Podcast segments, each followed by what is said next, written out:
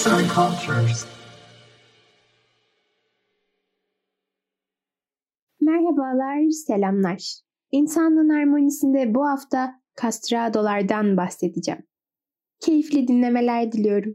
Tanımlanması bir hayli güç olan ve bir zamanlar tartışmalara oldukça yer verilmesiyle insanlığın nabzını yoklayan bir terim var karşımızda. Castrado.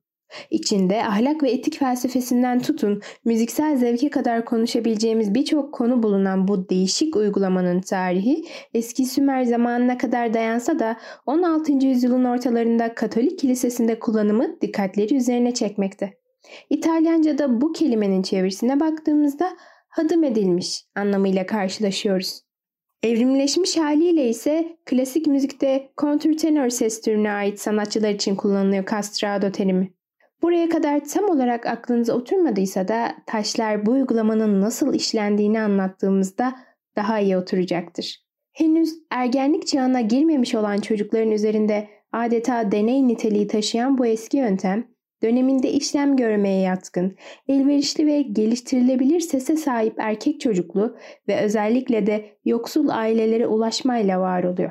Ergenlik dönemine girmemiş bir erkek çocuğunun az bulunan bir ses tonu olan kontürtenörü elde etmek ve kalıcı kılmak için öncesinde güzel bir ses eğitimi verip doğru zamanda ki bu doğru zaman ergenliğe girmeden hemen önce olan periyot oluyor, hadım edilerek testosteron üreten kısmın vücuttan alınmasıyla gerçekleştiriliyor. Bununla beraber seslerinin kalınlaşılmasının ya da oturmasının, asıl karakterinin bulunmasının da önüne geçilmiş oluyor. En son 20. yüzyılda örneklerine rastladığımız kastradolar eğer doğuştan hormonal anomalilere sahipse doğal kastrado olarak isimlendirilmekte. Tarihte birçok durumda ve olayda cezalandırma yöntemi olarak kullanılan bir uygulama olan hadım etme işlemi, insan bedenine apaçık bir şekilde müdahalede bulunarak vücuttaki sistemlerin dengesini bozmaktır. Yani aslında sadece hormon salınımını engellemekten ibaret değildir burada yapılan.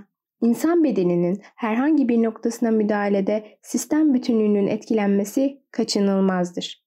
Fizyolojik zararının ve etkilerinin yanında psikolojik bir boyutu da elbette ki olacaktır.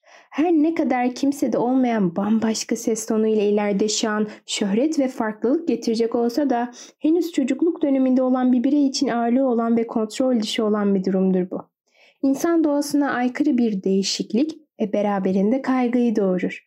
Hayattaki amacı bariz bir şekilde sınırlandırılmış olan bu erkek çocukların duygusal ve ruhsal anlamda yaşamlarını sürdürebilmeleri için oldukça güç bir konumu önlerine sererler. Kilise korosunun ihtiyaç duyduğu bu nadir bulunan ses tonu için bir insanın tüm hayatının değişmesidir aslında söz konusu olan.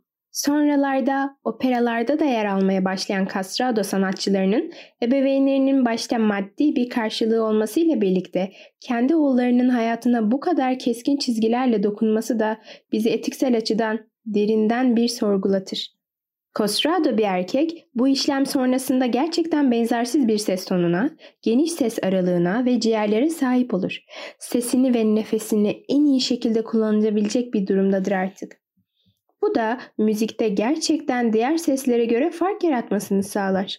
Böylesine bir ses tonunu erkek müzisyenler kafa sesiyle çıkarabilirken kastradolar göğüs sesini kullanarak çok rahat bir şekilde daha da tiz tonlara çıkarlar. Sonucunda kulaklarımıza ulaşmasıyla adeta bir masalda gibi hissettirir bu ses tonu.